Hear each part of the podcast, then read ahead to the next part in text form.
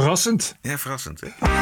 This is the TPO podcast. Is er nog hoop in de misdaadmetropool? Amsterdam is toch wel een kutstad aan het worden. Hoofddoek, symbool van feminisme en vooruitgang. Nu ook in België. U heeft blijkbaar geen besef van het aantal kinderen, jonge meisjes en vrouwen dat gedwongen wordt om een hoofddoek te dragen. En de bonusquote is van een man met een snor. Hans. Hans. Hans. Aflevering 267. Ranting and Reason. Bert Bresson, Roderick Phalo. This is the award winning TPO podcast. Vrijdagochtend 9 juli. Goedemorgen Bert. Goedemorgen, Roderick. Good morning. En natuurlijk Amsterdammers oh, die ook deze dag weer wakker worden in een leuke, inclusieve stad van hoop. Juist. En eh, hoop is nodig. Want we verwachten vandaag eh, een persconferentie, hoop voor heel Nederland trouwens, over het stijgend Oh. aantal COVID-besmettingen. Gisteren 5.500 erbij. Horeca, mensen die op vakantie willen, die knijpen hem. Kleurt Nederland weer rood. En Rood. hoe voorkomen we dat dan? Er is eh, spoedoverleg met het OMT geweest gisteravond. eh, met het terugdraaien van versoepelingen. Ja, kan echt gaan gebeuren. Ik hoorde gisteren een epidemioloog. Ja. Alma Tostman van het Radboud UMC. Gisteravond op Radio 1. na de versoepelingen van eh, kort geleden er zeker wel een stijging in het aantal besmettingen zou komen. Maar ik vond hem van de laatste paar dagen wel heel, eh, ja, wel heel stijl. Dat had ik zelfs niet eh, verwacht. En ziet u het ook om u heen? Ik heb veel stagiaires op de afdeling gehad. En ja, daar hoor je ook de verhalen van die ik net ook in het item op het nieuws hoorde. Hè, van, eh, dat toch onder jongeren en studenten veel besmettingen zijn. Ja, dat is natuurlijk heel logisch. eh, omdat die ook veel naar uitgaansgelegenheden zijn eh, geweest. En wij hadden in het ziekenhuis ook ja, deze week weer voor het eerst na een aantal weken toch weer een aantal positief geteste medewerkers gevonden. Dus ja, we zien echt ook nabij ons dat de besmettingen gewoon toenemen. En, en zijn dat eh, medewerkers die gevaccineerd zijn of die nog niet gevaccineerd zijn? Goeie vraag. Ja, het grootste deel daarvan is eh, gevaccineerd. En ik denk dat dat ook heel, ja, toch wel illustreert. ehm, nou ja, ten eerste wat er met die Delta-variant gebeurt. Hè. Dus die is besmettelijker dan de varianten die we eerder hadden. Eh, en vaccinatie beschermt goed tegen ernstige ziekten. Maar wat ook de data uit Israël toch wel laat zien, is dat de eh, vaccins ja, ook wel beschermen tegen besmetting, maar eh, niet volledig. Dus ja, ze zeggen nu, nu gaat men uit van ongeveer 65% bescherming tegen infectie. Dus ja, dat betekent dat je na vaccinatie nog steeds besmet kunt raken en ja, ook nog steeds wel klachten kan krijgen. Eh, en met name wat, wat dan dus nu, wat dat betreft, mijn zorg is dat je dan dus ook de besmetting nog eh, door kan geven. Ja, Ja. dit is de situatie van dit moment. En dit is de Delta-variant. En dit is serious business. Ja. Ja, de, we, eh, Hugo eh, besloot om ineens alles open te gooien. En toen zeiden alle experts, nou, misschien moeten we dat maar niet meer doen. Ja. Eh, en en ik bedoel, ineens was het van, ja, je, gaat, je hoeft gewoon een Jansprik te halen en dan mag je meteen door naar de disco. Terwijl er stond twee weken, moet je dan wachten. Ja, Ja, maar precies. hoeft er niet, hoeft niet van Hugo's. Iedereen zei, doe nou maar niet. Ja, want straks lopen de besmetting weer op. Ja, en maar- jou hoor. Twee weken was gewoon, dat is standaard, dat weten we allemaal, dat krijg je ook te horen. Ja. Ik weet niet of Hugo de Jonge dat gezegd heeft. Want het, het gaat mij allemaal, ook in de, in de discussie die nu ontstaat, allemaal iets te makkelijk in de richting van Hugo de Jonge en, het, en de overheid. Alsof de Ja. overheid weer lekker, kunnen we de overheid weer lekker de schuld geven. Ja, goed, Terwijl- maar die gooien alles open. Ja, dat is best. Maar we hebben natuurlijk ook nog zelf hersenen in ons hoofd. En dan weet je ook nee, dat je voorzichtig moet zijn met elkaar. Zeker als je nog maar net gevaccineerd bent. Of eh, laat staan Nee, dat je helemaal niet gevaccineerd bent. Dus ik zijn twee dingen die ik ervan vind. Eén, vind ik het eigenlijk ongelooflijk naïef dat we dachten het is voorbij. Want we hebben ook Groot-Brittannië gezien waar op een gegeven moment het aantal besmettingen nul was. We hebben Israël gezien waar het aantal besmettingen nul was. En daar gingen de aantal besmettingen ook weer omhoog. Daar, gingen de, daar ging de rem er ook weer op. Dus het is echt idioot om te denken nou, dat dit was de laatste coronagolf.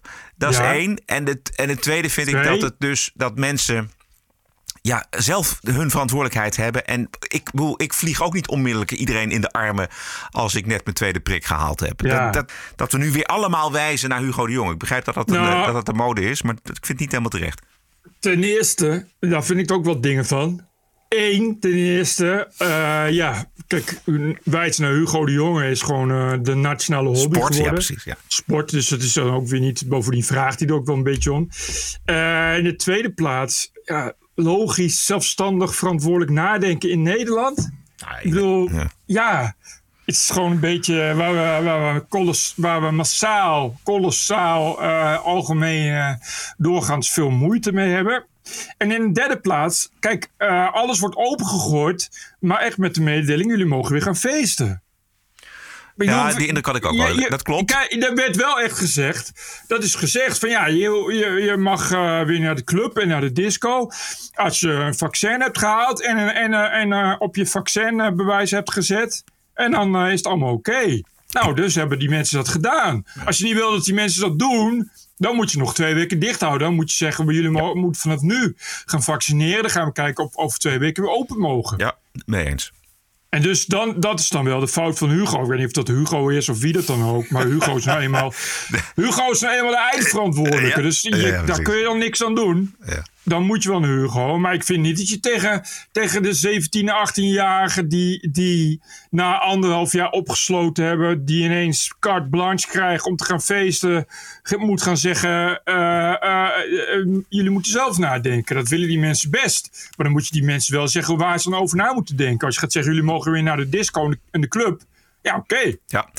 Dan gaan ze naar de disco en de club. ja. Nee, dat is, dat is zeker waar. En, en volgens mij is daar gewoon een, een fout gemaakt. Waarvan dus ook, wat ik zeg, iedereen meteen zei: is het niet een beetje raar? Ja. Is het niet een beetje raar om te zeggen: oh, eh, je, je, je gaat een Janssen-vaccin halen en je mag meteen door? Dan moet er toch, toch een tijd, tijd tussen zitten voordat het vaccin werkt. Ja. Dus daar moeten we dan rekening mee houden. Ja. Als het aantal besmettingen in dit tempo doorgaat, eh, heb ik begrepen, dan kleurt Nederland volgende week rood.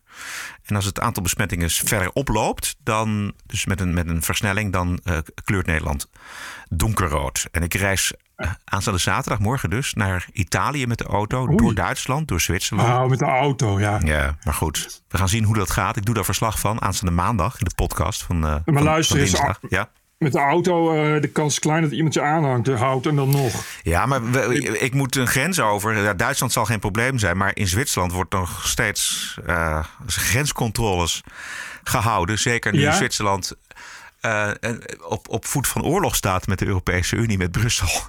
Dus Dat wordt, is wel zo. wordt gewoon gecontroleerd, denk ik. Maar goed, maar ehm, je bent toch gevaccineerd? Dus dan heb je vac- Ja, vaccinatiebewijs. exact. Dus, dus jou kan niet zoveel gebeuren. Nee, en zelfs als Nederland op rood staat, volgens mij krijg je dan eh, het, eh, ja, misschien een, een quarantaineverplichting of zo. Hm.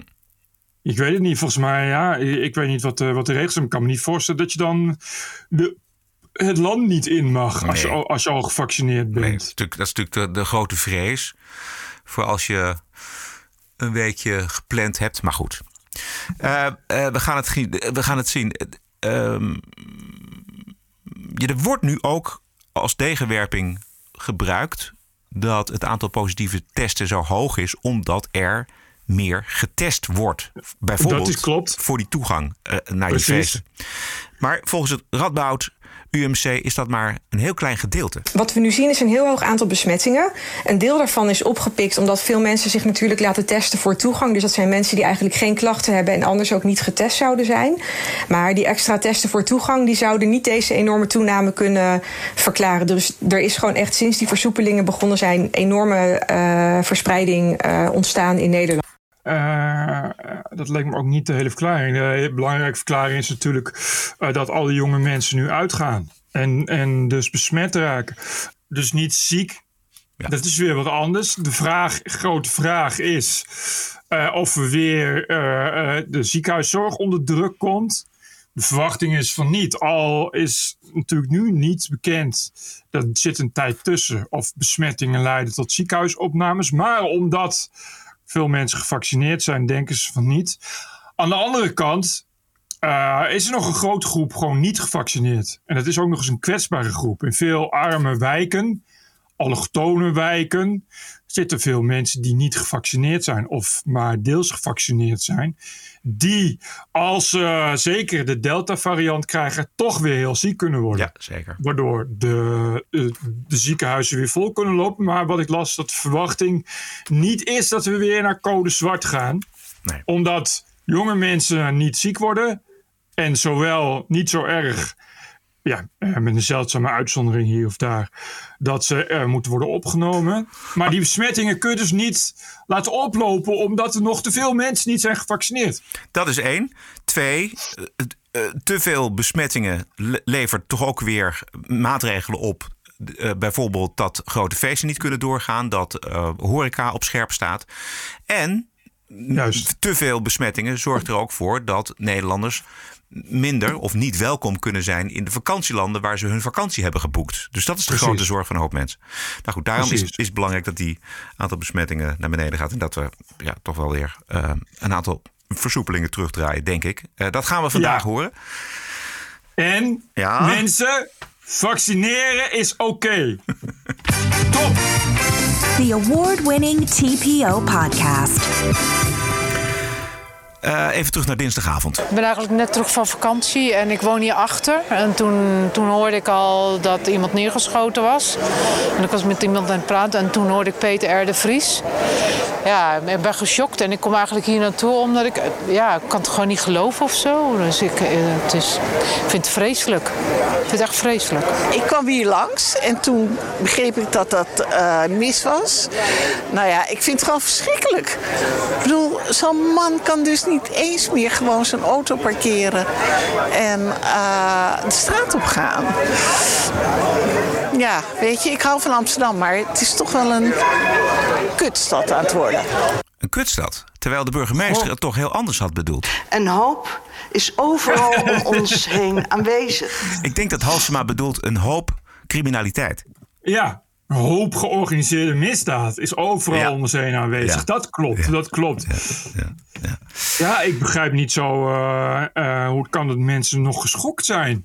We hebben toch eh, al jaren. Ik, de, zijn zelfs vergismoorden gepleegd. Mensen met Kalashnikovs van de straat weggevaagd. Onschuldigen die niet eens doodgeschoten hoeven worden. Omdat ze er niks mee te maken hadden. Eh, eh, zijn zelfs in, iemand onthoofd en een hoofd gevonden. Ja, ja. De meest gruwelijke moordaanslagen zijn als het, bij jou, als het bij jou op de stoep gebeurt, dan denk ik dat je daar toch wel eventjes van schrikt. En nou Ja, dat wel. Het zegt iets ook, ook over de nieuwswaarde van de aanslag, de moordaanslag op Peter R. de Vries. Ik bedoel, dan, dan, ja, maar- het is een maar- cliché, maar dan denken mensen opeens, oh, het komt wel dichtbij.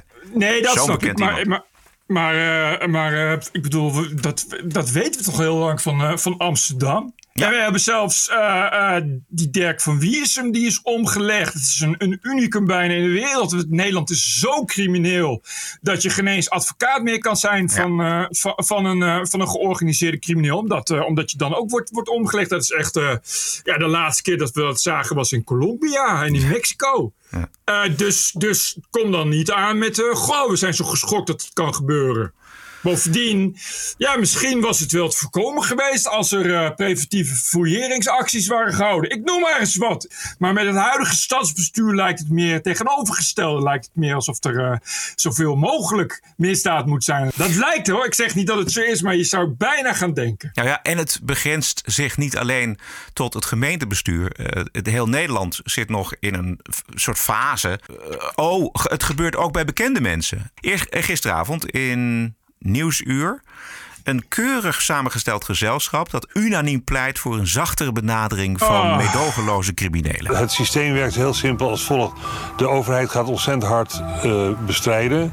Daardoor wordt het eh, eh, eh, handelen in drugs wordt risicovoller.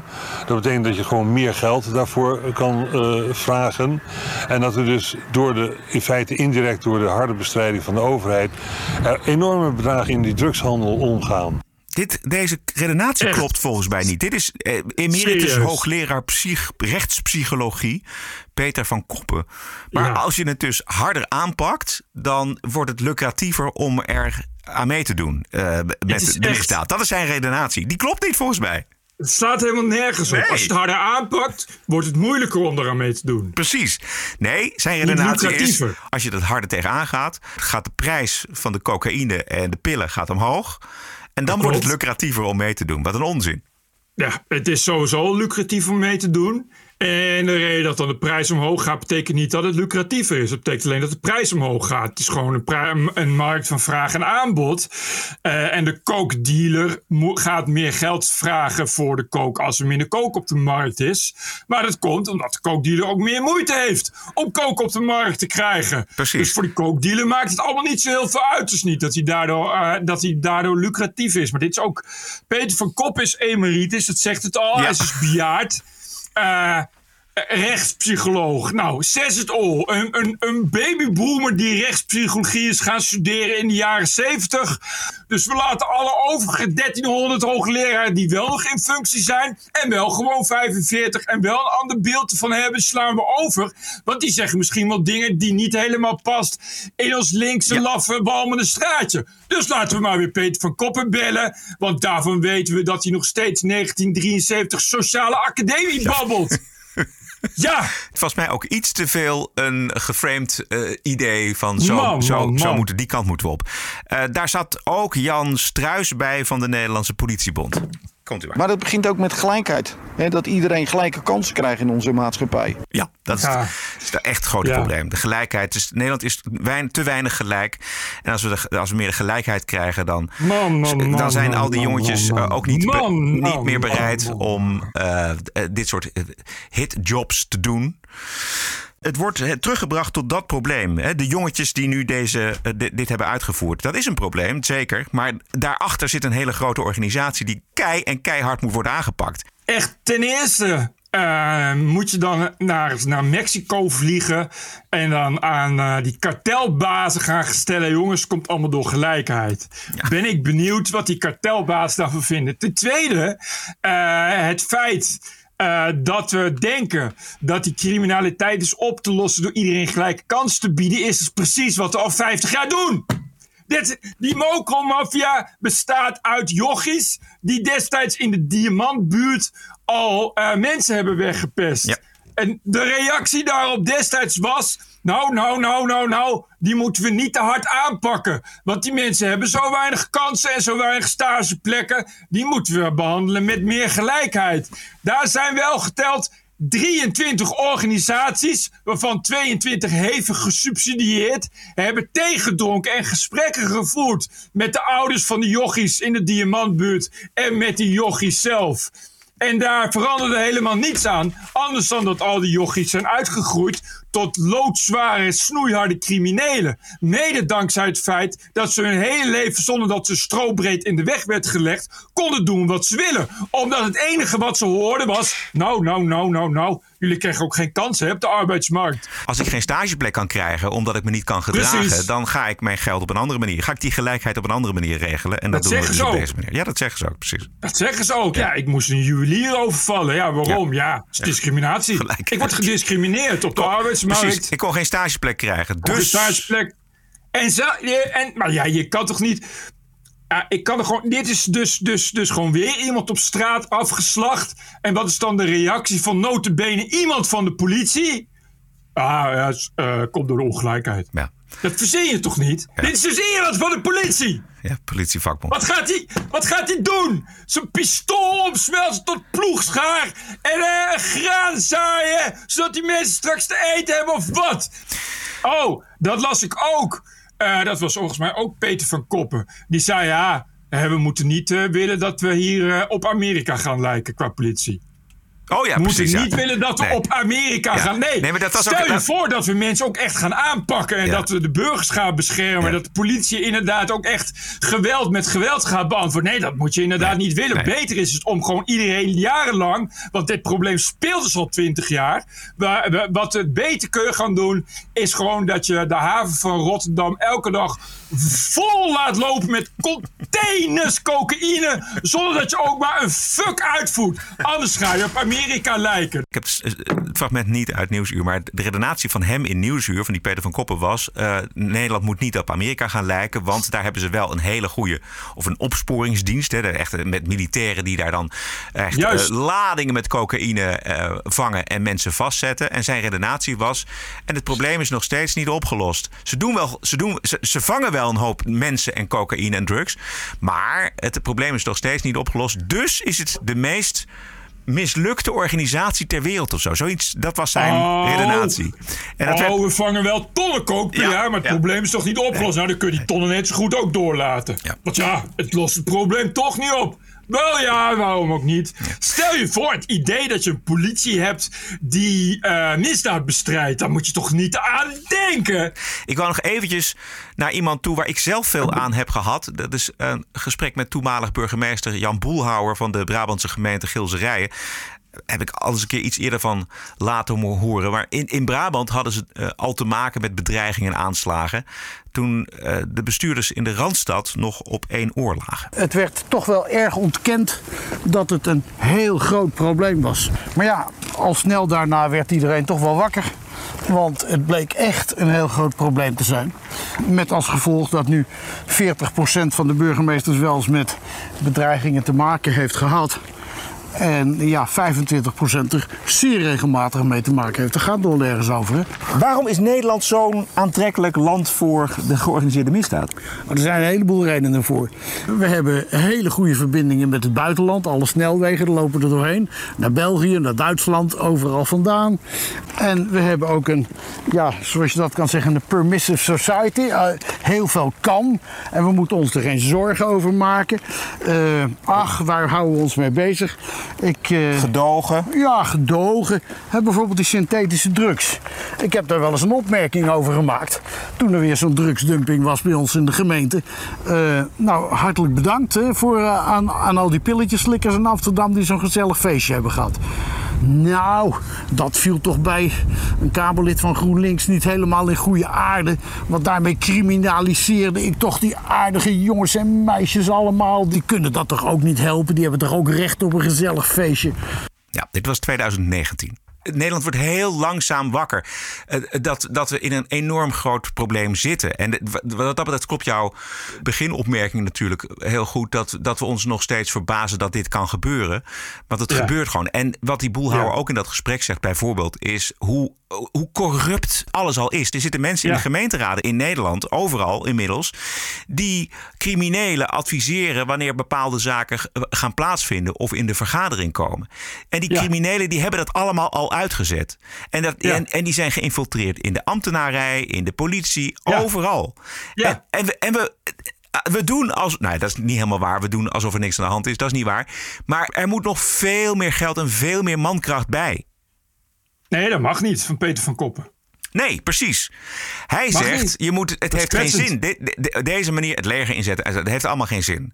We moeten, nee, je moet juist we- minder. Ja. En- Minder, in- minder bestrijden, Ja. minder inzetten. Ja, moeten legaliseren, moeten we. Precies. De boodschap van het Nieuwsuur gezelschap was legaliseren. Jan Struis. Gaat eens even nadenken over het vrijgeven van drugs, maar dan wel gecombineerd met goede gezondheidszorg, preventie. Probeer die markt ook eens eh, te bekijken.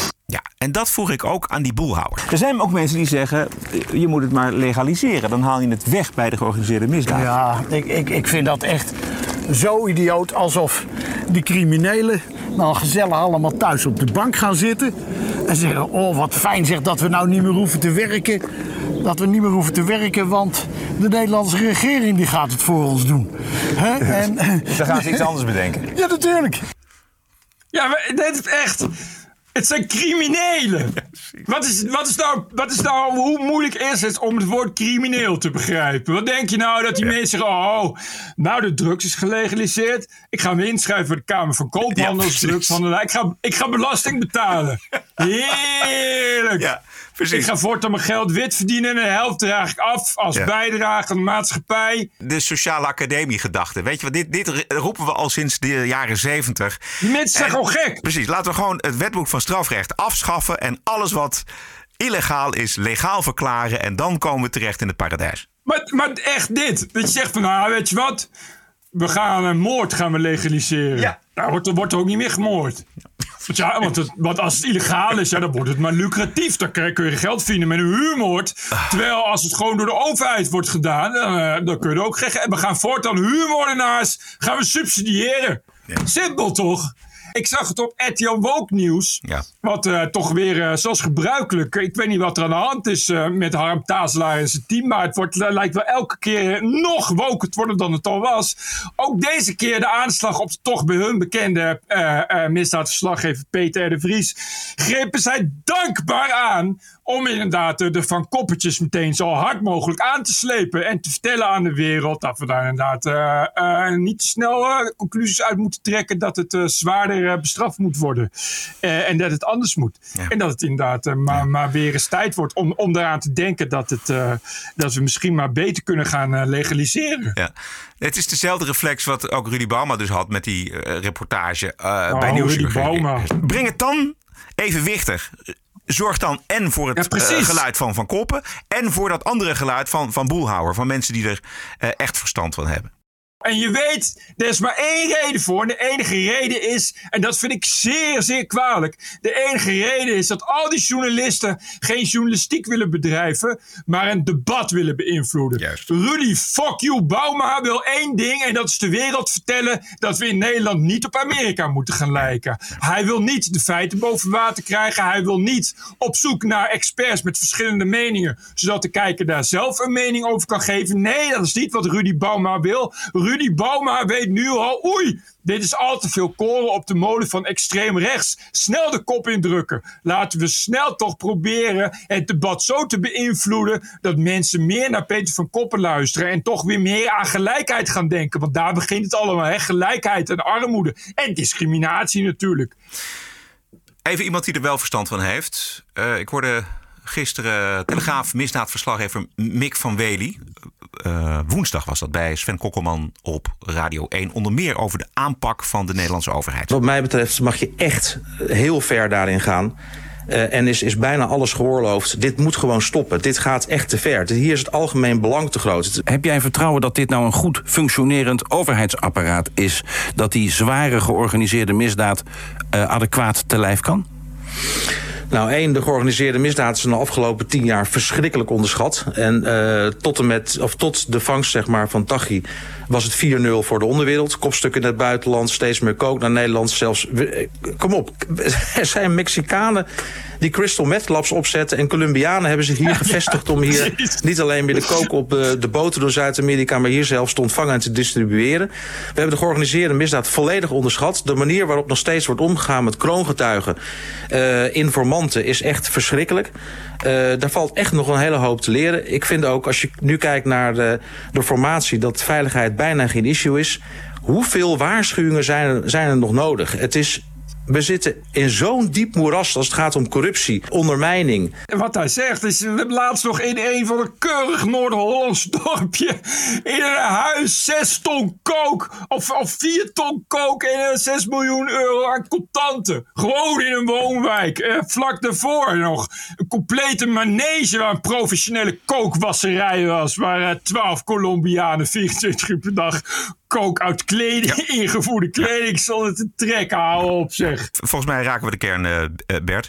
Trouwens, daar hoorde ik Boelhouwer net ook over daar moeten we het ook maar eens een keer over hebben. Dat al die fijne kookgebruikers en al die fijne pillenslikkers, daar mogen we ook wel eens een keer verantwoording, verantwoording op afleggen. Ja. En als ze daar bij de redactie van RTL Boulevard, waarvan iedereen weet dat ze daar elke vrijdag een hele, hele, hele rioolput vol snuiven aan cocaïne, als ze daar zo hard huilie huilie doen en de traantjes over, over de wangen biggelen, dan moeten ze misschien maar eens een andere hobby zoeken. Iets met alcohol. Hè? Of leuk, uh, leuk gezonde pestsapjes. Maar zolang al die leuke redactieleden om uit hun dak te gaan cocaïne willen snuiven. En doodleuk de Marokkaanse dealertjes op hun scooter bij uh, het redactiegebouw de cocaïne laten bezorgen. Dan moet je niet ineens raar staan te kijken als daar ook eens een keer iets misgaat. Want dankzij dat jij dat gebruikt, hou je die markt in stand. Hè, het is een kwestie van vraag en aanbod. Als er geen kookgebruikers meer zijn in Nederland, zijn er ook geen cocaïne dealers meer in Nederland. En is er ook geen georganiseerde kookdienstlaat meer.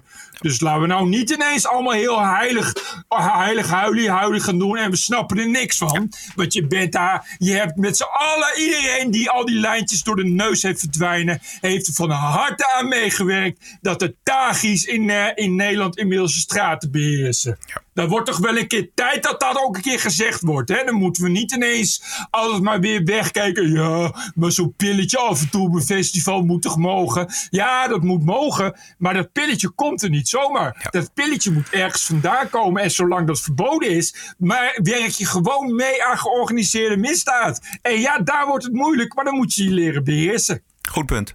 Nog één ander aspect. Hebben we het de afgelopen dagen heel erg over gehad. Ehm, ik weet niet of we er nog iets aan kunnen toevoegen. Maar het gaat natuurlijk over hoe sentimenteel de journalistiek geworden is in eh, tien jaar tijd. Wat zeg ik, in twintig jaar tijd. Want we hadden natuurlijk Ja. eh, de foto van. Fortuyn. Hadden wij. Die foto eh, won nog de zilveren camera.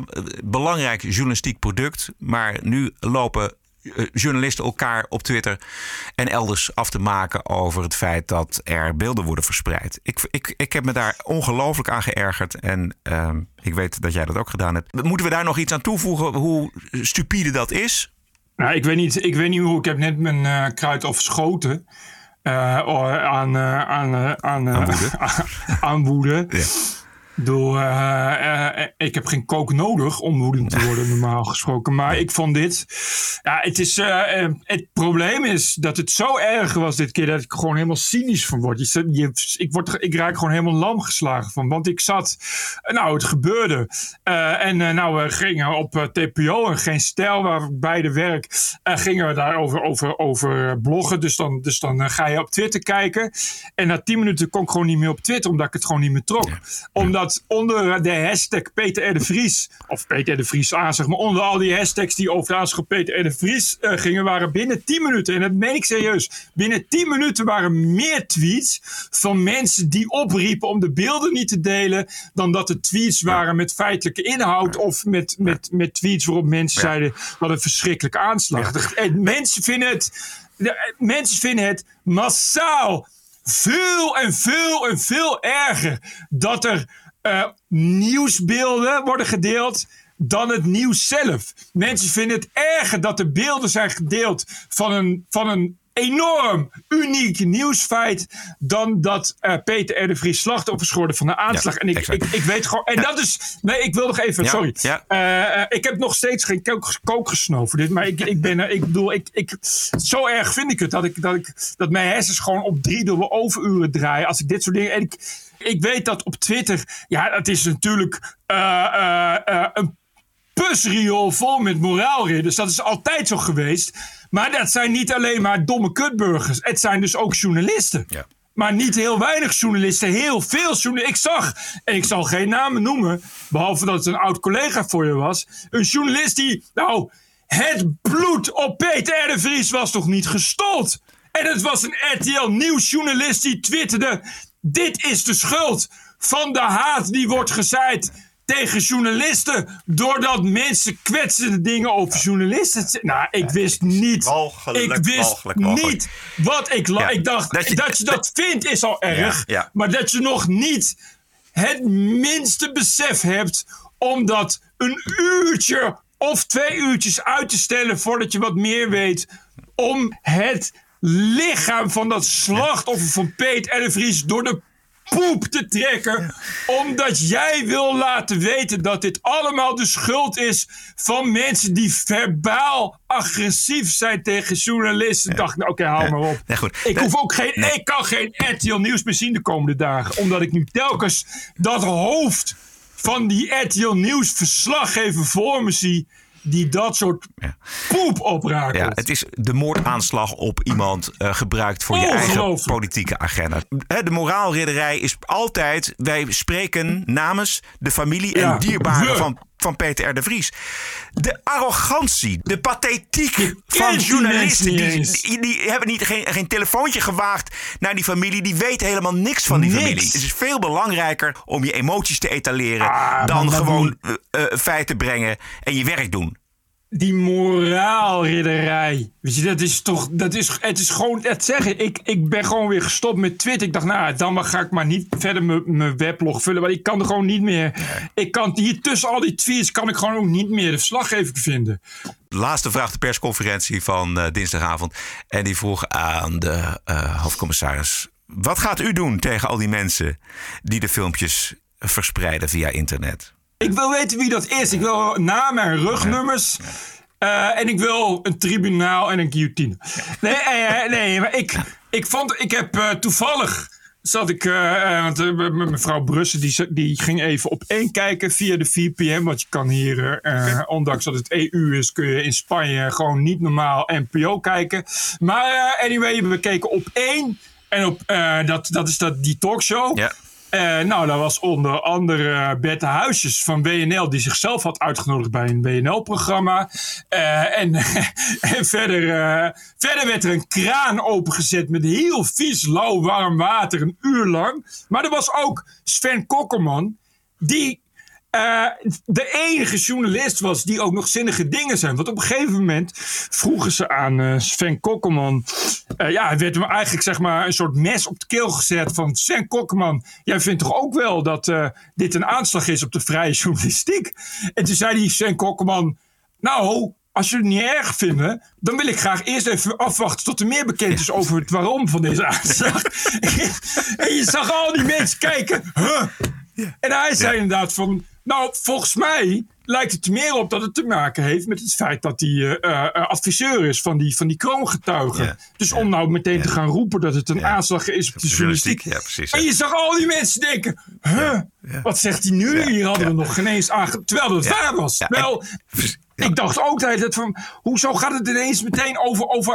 Volgens mij is die Peter R. Vries omgelegd, omdat hij dus inderdaad zich bemoeit met, met, die, met, die, met die, wat is het, met die kroongetuigen, met die Nabil B. Volgens mij komt deze aanslag uit de hoek van die georganiseerde misdaad, omdat hij hun dwars zit. Niet omdat hij vrije journalistiek bedrijft. Nee, nou ja, we weten het nog niet, maar dit, dit zou een Nee, goede kunnen zijn. Maar het tekent Maar enorm dat conformisme in, dat, in de journalistiek. Je moet meegaan in dit verhaal. Die zegt van nou, eh, Amahula, ik wacht het eventjes af. En de verbazing op de gezichten is dat conformisme. Is wacht even. Maar we vinden toch met z'n allen dat het een aanslag is op de journalistiek. En het gaat dat, dat gejank over dat filmpjes delen. Hebben mensen überhaupt nog het idee dat we in een, in een, in een, in een land leven met vrije persgaren? Snappen die mensen eigenlijk wat nieuws is? Ik wil god, god notabene de enige die het nog snapt is Guido den Aantrekker. Wat de fucking hoofdredacteur van de fucking story is. Dat is de enige die twittert de flikker op, want het is gewoon nieuws. De enige. Dan moet je de, de hoofdredacteur van de story is de enige die je nog snapt. Waar zijn we aanbeland met z'n allen? Tuurlijk moet je zo'n filmpje delen. Wat? Ik begrijp ook niet die mensen die tegen het delen van dat soort filmpjes zijn. Hoe zien die mensen voor zich als we dat heel lang geleden hadden gedaan met bijvoorbeeld 9-11? Ja, precies. We mogen Ja. niet de filmpjes delen van mensen die uit die toren springen. Nee. Dat is schokkend voor de nabestaanden. We mogen niet de filmpjes delen van vliegtuigen die in torens vliegen. Dat is schokkend voor de nabestaanden van die mensen die in de vliegtuigen zaten en die mensen die eh, in de torens zaten. Nou, dat zijn nogal een hoop nabestaanden. Mogen we niet delen. Graag niet laten zien.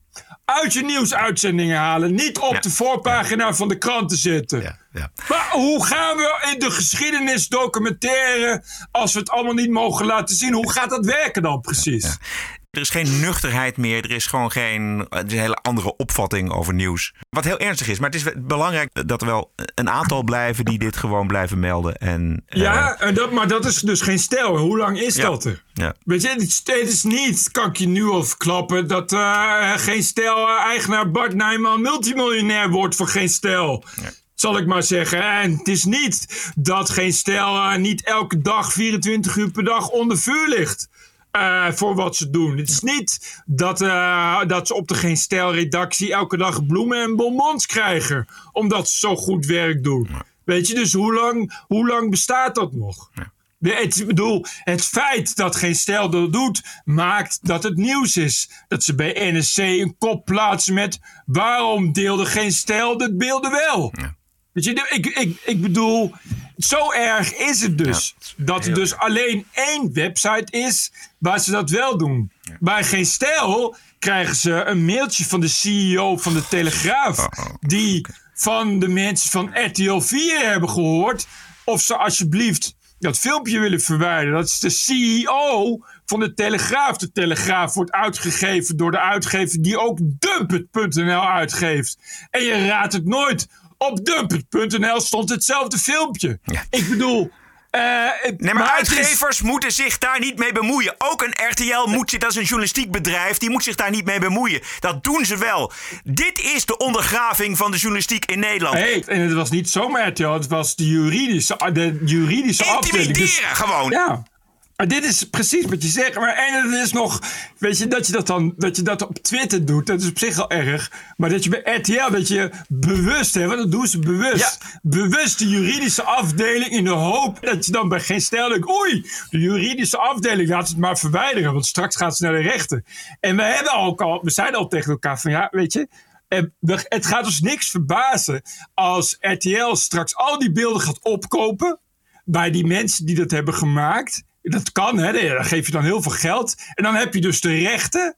En dat ze dan zeggen: Oké, nu hebben wij de rechten. Nu gaan we, gaan we, gaan we jullie alsnog zoeken. Want anders, want het, ja, dat is uh, auteursrechten Het zal ons helemaal niks verbazen. En het allerergste is, en dat vind ik het allerergste, is dat zo'n RTL kan het helemaal niet schelen. Wat die nabestaanden van Peter R. de Vries vinden. Het enige wat RTL wil, is controle over de beelden. Want het is iemand uit hun eigen club. En daar worden ze enorm zenuwachtig van, al die communicatietypes en PR-typjes. Dus het interesseert helemaal niks of de nabestaanden van. Peter R. Vries het wel of niet erg vinden. Wat ze willen bij RTL is dat ze alle beelden en alle controle zelf in handen hebben. Want zolang ze dat hebben, kunnen zij er geld aan verdienen en niet iemand anders. En dat is het aller, aller, aller, aller, allerergste. Zullen we naar een ander onderwerp gaan? Eh, iets luchtigs zou leuk zijn. Iets leuks gaan we doen. TPO Podcast. Twee dagen voor het reces kwam het wetenschappelijk bureau van GroenLinks eindelijk met een verklaring voor het enorme verkiezingsverlies van 14 naar 8 zetels. Kunnen de media ook niet te lang over schrijven dan. Hè? Het bureau noemt het een eh, harde evaluatie en ziet eigenlijk twee oorzaken voor het verlies. Eén, kortschietend leiderschap van Jesse Klaver. In 2017 was hij nog de bevlogen nieuwkomer. En dat is hij niet meer. Maar wat is hij dan wel? Eh, onduidelijk profiel. En twee, Kautar Bouchalikt. Slechte afstemming en overleg tussen de kandidatencommissie en de partij. En veel ongeruste telefoontjes, Bert, van GroenLinks-leden. Het bureau schrijft dat het de partij niet lukt, zeker de helft van al die bellers, gerust te stellen over Bouchalikt. Dus veel GroenLinks-stemmers zijn afgehaakt vanwege het binnenhalen van de oerconservatieve islam. Nou ja, ik ben verbijsterd. Ik val van mijn stoel. Ik ben zo verrast. Goh, nou, nou, nou. Dat zag toch niemand aankomen, Nee, man. precies. Ja, dus dat is, betekent dus dat die partij niet uit het probleem is. Want Nee, dan moet eh, Jesse Klaver moet opstappen. Nou, Les Klaver moet opstappen. En Bouchalikt levert een heel groot probleem op voor die partij. Want eh, eh, er zitten natuurlijk in die partij zeker mensen die denken van... kijk eens eventjes hoe goed we deugen. Maar er zijn blijkbaar toch ook nog progressieve GroenLinksers... die denken, ho ho, wat gaat hier gebeuren? Ja. De Terecht, conservatieve terecht. islam, het moslimbroederschap... eh, treedt onze partij binnen. En dat moeten we toch niet willen met z'n allen. Er zijn heel veel mensen die zijn lid van GroenLinks vanwege de progressieve GroenLinkswaarden. Onder andere emancipatie, feminisme, gelijkheid van man en vrouw. En die zien dan ineens iemand met een hoofddoekje die te maken heeft met een moslimbroederschap. Ja, wat verwacht je dan? Wat denk, je, wat denk je dat die mensen dan denken? Oh, wat leuk. Die wo- wordt de gelijkheid en de emancipatie en de gelijkheid van man en vrouw echt heel eind vooruit geschoven. Nee, dat denkt helemaal niemand. Nee. In Nederland hebben we deze Kautar Bouchalikt. In België hebben we Isane Oh, ja. Hawatch. En zij is vorige maand in België benoemd als regeringscommissaris bij het instituut, let op, voor gelijkheid van mannen en vrouwen.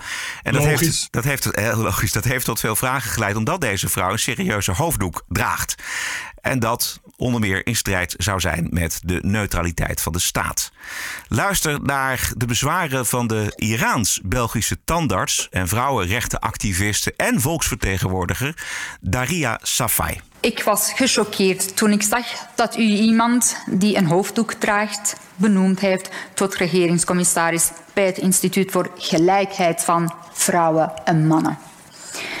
Deze persoon moet de gelijkwaardigheid van mannen en vrouwen kunnen garanderen, terwijl zij zelf niet eens in deze gelijkwaardigheid gelooft. De filosofie achter een hoofddoek erkent namelijk geen enkele vrijheid. Luister goed naar mij als ervaringsdeskundige. Zelfbeschikkingsrecht of gelijkwaardigheid voor vrouwen.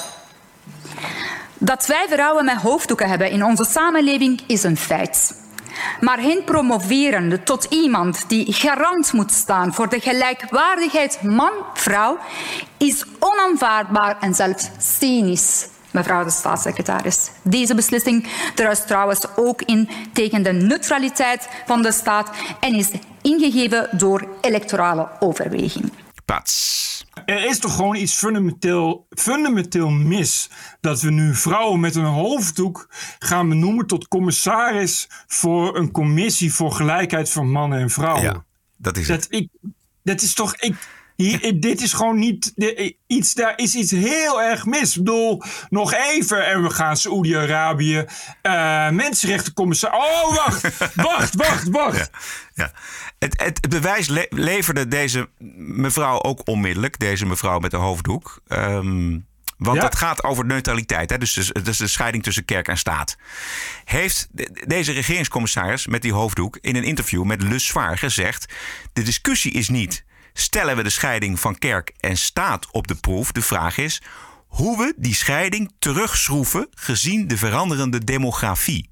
Oftewel, hoe meer mensen die scheiding tussen kerk en staat niet zien zitten, lees moslims, hoe minder de scheiding relevant wordt.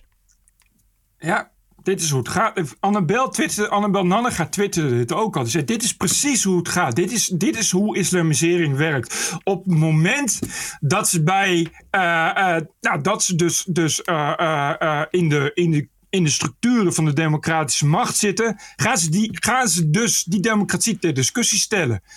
Dit is precies hoe het gaat. Ja. Dit is hoe het altijd is.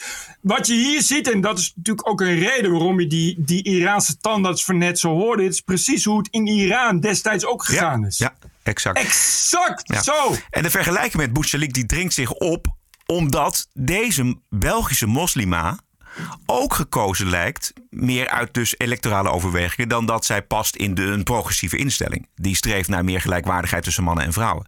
En zij was aanwezig op een lunch van de European Forum of Muslim Women. Dat is een organisatie gevestigd in Brussel en gelinkt aan, mag jij raden?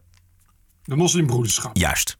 En ook zij zegt daarover: Ik ken deze beweging niet, de moslimbroeders dus, nog van dichtbij, nog van ver. Ach, ach, ach, ach. en zij dreigt ook onmiddellijk met rechtszaken tegen mensen die haar hiermee Ja. in verband houden.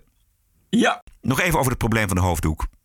Voor iedereen die wel eens in de buitenwijken van onze grote steden komt. Ik, ik kom zelf vaak in- de Haagse Schilderswijk, daar kom ik vaak. Ja. Eh, en in die wijken is het straatbeeld dat steeds meer meisjes, jonge meisjes, steeds jongere meisjes, verplicht een hoofddoek dragen. Die meisjes worden steeds jonger. Dat kan iedereen zien op straat. En dat is ook aan de gang in België. Nog één keer die Iraans-Belgische vrouwenactivisten. U heeft blijkbaar geen besef van het aantal kinderen, jonge meisjes en vrouwen dat gedwongen wordt om een hoofddoek te dragen. Ik raad u aan. Ga eens langs onze scholen en luister daar eens naar de schrijnende verhalen over de hoofddoek en keuzevrijheid. Het is ongelooflijk dat deze slachtoffers van het islamisme wederom in de steek gelaten worden, hier bij ons. Ja. Zij kan Ik het kan hier weten. niks aan toevoegen. Het- En maar wat ik zeg, net als, als net, we het net hadden over de staat van Nederland qua georganiseerde criminaliteit, kunnen we het net zo goed hebben over de staat van de, van, van de EU, op de Oostbloklanden uitgezonderd dan, Eh, over, over de staat van de islamisering en, en dit soort verschrikkelijke dingen. We gaan naar de Wokweek. Kijken hoe lang de tenen zijn.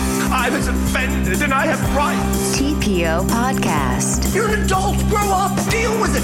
I don't care. care. De berichten uit de open inrichting. Die is heel groot, die open inrichting. Die wordt elke dag groter. Die wordt elke dag groter, ja. Mensen, bedrijven, instanties die zich een slag in de ronde deugen... en die buigen voor de terreur van de identiteitsideologie. Wij hadden het vorige week eventjes, zei hij, over het nieuwe jargon bij de NAVO. Ja, het komt uit april 2020, dus iets meer dan een jaar oud. Het gaat over vrouwen bij de NATO. Uh, en die hebben uh, een manual, NATO Gender Inclusive Language Manual. Ja. Uh, dat is 40 pagina's dik, waarvan de helft bestaat uit, wat heel grappig is, foto's van geuniformeerde vrouwen telkens geflankeerd door iemand met een andere huidskleur. Onder andere voorbeelden bij sollicitaties, voorbeelden van het schrijven van brieven, voorbeelden bij het schrijven van nieuwsbrieven, voorbeelden bij het schrijven van tekst. En ook echt uh, krijg je opdrachten van haal uit de volgende tekst wat er niet gender-inclusief is en pas aan naar wel gender-inclusief taalgebruik. Ja. Even in een groter verband, want dit is uitermate belangrijk. Want de NAVO is de, de militaire macht die het Vrije Westen, het enige democratische deel van de wereld, moet beschermen tegen autoritair Rusland, tegen totalitair China. Die militaire macht raakt steeds dieper geïnfecteerd met dit soort zaken. Met het nou, woke-gif. Um, in Amerika is er een hoorzitting gaande van het congres over het boek dat in de marine aanbevolen wordt om te lezen. En dat ah. is het boek, de, een van de woke-bijbels, How to be an Anti-Racist, van het grote licht Ibrahim Oh, X. Kendi. Op de vraag, wat is racisme nou, is dit zijn antwoord. Racism, I would define it um, as a collection uh, of racist policies that lead to racial inequity that are substantiated by racist ideas. Dus racisme is een verzameling van racistische maatregelen die tot raciale ongelijkheid leidt en ondersteund wordt door racistische ideeën. Weten we nog niet wat racisme is, maar het is een hele domme jongen. Die staat op een leeslijst voor de Amerikaanse man. marine met een giftig woke-proza. Oh. Stukje uit de Sneeuw. hoorzitting. Sneeuw is wit. Ja, Dat sneeuw is bestaat wit, precies. uit witte, witte kristallen die de sneeuw wit maakt. Klein stukje uit de hoorzitting. De ondervraging van, let wel, een admiraal. Let me ask you again, Admiral. Do you expect that, say, after sailors read this book that says that the United States Navy is racist, that we will increase or decrease morale, cohesion, and recruiting rates into the United States Navy? I think we'll be a better Navy from having open, honest conversations about racism. In college, Kendi stated that white people are a different breed Dit is dus de, het gaat over de schrijver van het boek. Ja, ja, ja. of humans and are responsible for the AIDS virus. yes or no? Do you personally consider the conspiracy that white people started AIDS to be an extremist belief? Sir, I'd have to understand the context. That is a simple statements question. Are made. I'm not gonna. I'm not gonna. Admiral, here- this is a book I'm that you recommended every defend- sailor in the United States Navy read. Cherry-picked quotes. Right. Nou zijn het ineens cherry-picked quotes, terwijl het, als dat erin staat, Het dan staat kun je er toch gewoon op reageren. Precies. De vraag is ja of nee, is het extremistisch of niet? En Amerika ziet dus ook steeds meer militairen het leger verlaten vanwege deze indoctrinatie. One Marine told us that military, a military history training session was replaced with mandatory training on police brutality, white privilege, and systemic racism. He reported that several officers are now leaving his unit, citing that training. Another service member told us that their unit was required to read White Fragility by Robin DiAngelo, which claims, and this is a quote, white people raised in Western society are conditioned into a white supremacist worldview. An airman told us their unit was forced into a racist exercise called a privilege walk. Privilege Walk, dat zij zich hiermee bezighouden. Je kunt het uittekenen. Boel, Op een gegeven moment is de, de militaire slagkracht van het Westen zo verzwakt. dat eh, er niet eens een oorlog eh, gevoerd hoeft te worden. om de Chinezen en de Russen bij ons op de stoep te krijgen. Dat je ook, dat je ook dat je denkt van ik ga bij het leger, dan ga je bij de mariniers. Dan denk je nou, nu kom, word ik gedrild en dan moet je als eerste moet je White Fragility lezen. en dan krijg je, en, en eh, tweede krijg je een handboek van de NAVO over hoe je, hoe je gender-inclusief taalgebruik hanteert. Tuurlijk ga je dan weg. Die woke-beweging wil dit. En je ziet admiralen daarin meegaan. Je ziet hoge militairen ook onder morele druk staan om daarin mee te gaan. Onder het mom een open discussie over ras. Daar gaat het helemaal niet om. We hebben ge- vorige keer al vastgesteld dat het gaat om macht en controle en terreur. Ja. What a woke week it was. This is the TPO Podcast. Als u dit eh, onafhankelijke geluid belangrijk vindt, dan is deze boodschap voor u. Dit is de TPO-podcast. Een eigenzinnige kijk op het nieuws en de nieuwsmedia. Twee keer per week, elke dinsdag en elke vrijdag. 100% onafhankelijk, want zonder reclame en zonder een cent subsidie. The award-winning TPO Podcast. Wat is het jou waard? Een euro per aflevering, 104 euro per jaar of kies zelf een bedrag. Waardeer en doneer op tpo.nl slash podcast. De TPO Podcast. Wat is het je waard? Goeie vraag, daar gaat het om. We hebben eh, een bonus quote, maar we hebben meerdere bonus quotes van één man met een snor. Alle diehard fans van Forum en van de leider van die club, die moeten de podcast misschien maar eh, stoppen op dit moment. Want, Dat is misschien wel een goed idee. Eh, misschien wel een goed idee, want wij gaan eh, ons verbazen en misschien ook wel een beetje lachen om eh, eh, Thierry Baudet, die deze week toch eh, moeilijk te volgen was. Het begon allemaal op het Malieveld in Den Haag. We zijn aangekomen op het Malieveld met honderden trekkers, duizenden boeren. Vandaag laten we horen dat de Great Reset moet stoppen. Dat we de onteigening van onze agrarische sector en van, van onze, onze hele maakindustrie moeten tegenhouden. Stapte uit een tractor, waande zich onderdeel en vriend van de boeren, maar de boeren zagen dat heel anders. Thierry eh, komt zelf en Gideon komt niet. En hij dacht dat het nodig was om hier eh, boven het podium te gaan hangen. En wij hebben hem verteld dat hij zijn werk in de Kamer moet doen en niet hier de populist uithangen. Welkom Thierry. Boeren, goeiedag! Wat fantastisch dat jullie er zijn! Wie gaat er zo meteen met mij mee die hoogwerker in? Niemand. Wij zijn getuigen van de grootste diefstal uit de Nederlandse geschiedenis. Het kon niet doorgaan. Die boeren die zeiden, je gaat hier niet met een eh, hoogwerker eh, boven dat terrein hangen. En vervolgens was er overleg met de Tweede Kamer over COVID. Hans, de besmettingen stijgen. Hans! Er is helemaal geen ene reet aan de hand. Dit alles, dit hele circus wat al anderhalf jaar onze hele samenleving kapot maakt, is gebaseerd op helemaal niets. Ja, helemaal niets. Jullie zijn allemaal totaal gek geworden. Het slaat helemaal nergens op. Er is een machtsgreep gaande waarbij de totale staat, de totale macht zich over ons uitrolt. Als een paraplu, als een zonsverduistering heeft het plaats over onze landen. Het is een internationaal project. En dat jullie dat niet zien, of misschien wel zien, maar niet durven Dank op te wel, staan en je uit te spreken, dat bent zal ik jullie nooit vergeven. Het grappige was dat Fleur Agema was de voorzitter. Ja. En die zei van, die had er zo genoeg van. Die was zo klaar met deze vent. Dat zag ik. Die, eh, die zei eh, op een gegeven moment ook van... eh, Het is, het is nu wel leuk geweest, Thierry. Nou, Maar dat je dit soort teksten uitkraamt in gewoon een debat in de Tweede Nee, Kamer. Dit is, hij was dronken. Denk je? Nou, of hij heeft de halve Rotterdamse haven weggesnoven. Maar dit is wel heel... dit, maar hij is gewoon gek. Ja. Dit gewoon, maar dat is... Ik weet niet of je dat... Heb je dat fragment nog dat hij gaat staan schreeuwen tegen die boeren? Vertel even, het het was moeilijk eh, te verstaan, want er zat heel veel geluid Nee, omheen. ja, maar goed, vertel hij even. was dus bij die boeren. eh, en, en hij deed me, dat fragment van net, deed me ook denken aan Ceausescu op zijn laatste dag. Oh ja, ja. Die op een balkon staat en die denkt dat al die mensen die op het plein staan hem komen toejuichen. En dan gaat hij naar dat balkon en al die mensen jouwen hem uit. En dan zie je hem helemaal in de war raken, omdat hij natuurlijk gewend is dat al die mensen hem normaal toejuichen. Al dan niet onder dwang, maar die dwang was toen even weg. En hier zie je datzelfde. Die Thierry, die denkt echt, ik ga weer naar de boeren, want al die boeren zijn met mij. Het is mijn zoveelste moment of fame. En hij doet dat en al die boeren die jouwen hem uit. En die zeggen, ga weg Thierry, we willen niks met je te maken hebben. En ja, zijn wereldbeeld breekt. Zijn hele identiteit breekt. Omdat eh, applaus en die mensen die voor hem zijn, is, is waarop waarop hij zijn identiteit heeft eh, gebouwd. En dat zie je. Hij ziet dat voor zijn ogen instorten. En dan raakt hij dus eh, volledig de weg kwijt.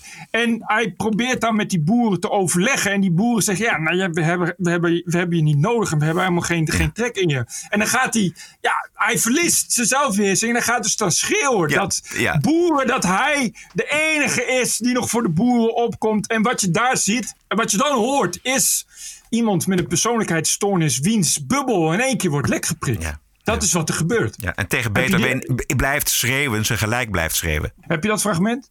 Nee. Ik heb nog wel een boeiend debat met Adje Kuiken van de Partij van de Arbeid. Ik heb toch af en toe het gevoel dat we in een soort eh, Groundhog Day eh, film eh, terechtkomen.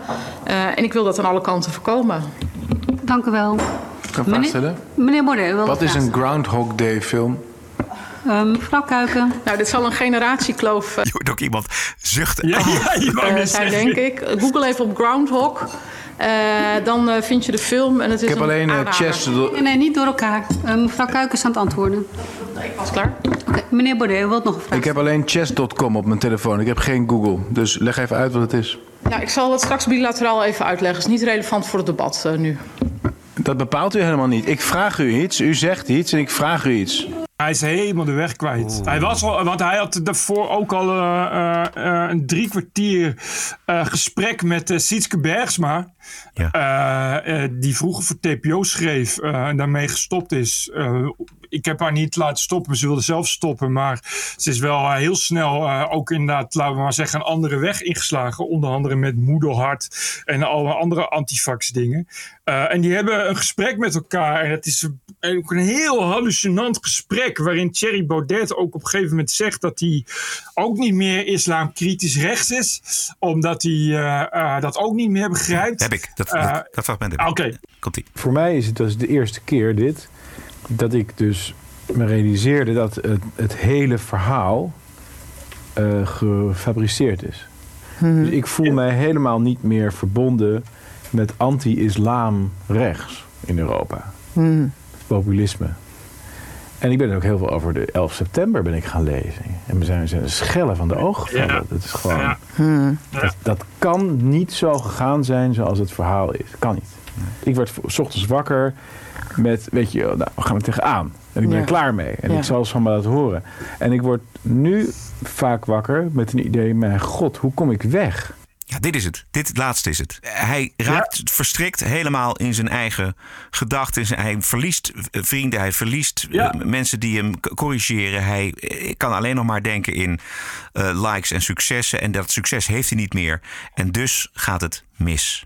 Ja, dit is de, de, de voorspelde meltdown. Van we wisten dat die zou gaan komen. Maar hij, hij noemt dat gesprek ook eh, reptilians. Wat een, wat een eh, totaal wappie complottheorie is. Dat, dat de wereldleiders, dat zijn de, de ze die meestal aan wordt gerefereerd. Degene die ons allemaal onderdrukken. eh, ja, dat dat stiekem eh, eh, eh, reptilian aliens zijn. Die kunnen shapeshiften en zo. Dit is totaal hemel. Hij is helemaal padje af. Het is, en dit is echt, hij heeft nu ook nog alleen maar, praat hij over inderdaad eh, de Great Reset. En, eh, en eh, dat, er, dat er een complot gaande is. En eh, echt, ja, dat hij in een, een matrix zit waar hij nu als enige nog ziet wat de werkelijkheid is. Ja, het is, het is helemaal weg. Hij is En- helemaal weg. En dat zit dan met vier zetels in de Tweede Kamer. Ja, dat is doodeng. Dat maar is dat is, maar, ja. en dat, maar dat vond ik al. Als je nu elke keer die, die Gideon van Meijer ziet spreken, dan denk je ook, Jesus Christ, ik kan me niet, dit is niet volgens mij waar mensen op hebben gestemd toen ze op FVD gingen stemmen. Maar ja, dit is wel wat er gebeurt. Wij bekijken dat met grote zorgen, eh, ook persoonlijk, want eh, dit, dit gun je hem zelf ook niet. Eh, nee, maar hij roept het wel over zichzelf af. Wel iemand die hulp nodig heeft, dat Ja. denk ik wel. Je denkt van, je mag toch hopen dat er toch een keer nu iemand komt die... Maar ja, dat is vaak eh, iets eh, wat bij dat soort mensen eh, niet, niet zo heel goed gaat. Het is vaak... Hoe langer het duurt en hoe meer ook hulp je biedt, hoe, hoe vaster die overtuiging wordt eh, in, van, de, van de waan waarin ze leven. En hij wordt natuurlijk ook steeds meer genegeerd in de Kamer, denk ik. Hè? Ja, weet je wel, er zijn alleen natuurlijk maar. mensen die, je hoorde het ook aan die zucht, dat je, mensen die hebben ook geen zin meer erin. Ja, weten dat er onzin uitkomt. Eindeloos lange verhalen, vragen over eh, eh, films en over het, triviale zaken. Ja. Dus hij wordt langzaam maar zeker ook uitgefaseerd door zijn collega's in de Tweede Kamer. En dat Nee, zal maar ook niet, nee, geen goed doen. Dat, dat Hans wat u roept, dat schijnt dan iets van Jens te zijn. Oh ja? Weet je, ja, dat, ik wist het ook niet. Ik kijk nooit Jensen, gelukkig, godzijdank. Hans! Ja, Hans! Hans! juist. Dat schijnt dat die Jens is een running gag. Die dat dan de hele tijd roept als het over corona gaat. Dat wist iemand mij te vertellen die dan wel Jensen kijkt. Maar die mensen daar in die commissie, niemand kijkt natuurlijk Jensen. Dus die mensen hebben geen flauw idee Maar, maar, welke Hans? Weet je, dit is heel raar wordt het dan. Dit was het, Bert. Ja, het eh, zeker. we hebben onze energie gegeven. We hebben alles gegeven Nou, wat we hadden. zeg Meer dat. nog dan we hadden misschien wel. Dus laten we niet... eh, ik hoop niet dat we allebei schoor zijn de volgende keer. De volgende keer, dat is eh, dinsdag de, de 13e. Eh, u vindt ons op Spotify, Apple Podcast en natuurlijk op eh, tpopodcast.nl. Zeer veel dank voor de ondersteuning. De mensen die geld eh, gedoneerd hebben eh, om dit overeind te houden. Aflevering 267. Post kan naar info.tpo.nl lezen we dan weer op maandagavond voor. En waarderen kan op tpo.nl slash podcast of tpopodcast.nl. Wij zijn terug, zoals gezegd, dinsdag 13 juli. Ik dan vanuit Italië. Stay cool en... Tot dinsdag! Ciao. TPO Podcast. Bert Bruson, Roderick Balo, Ranting and Reason. Just because you're offended doesn't mean you're right. Podcasting is the TPO podcast in the Netherlands. Bert and Roderick. What a show. I'm telling you. Keep the show running. Go to tpo.nl slash podcast. Thank you.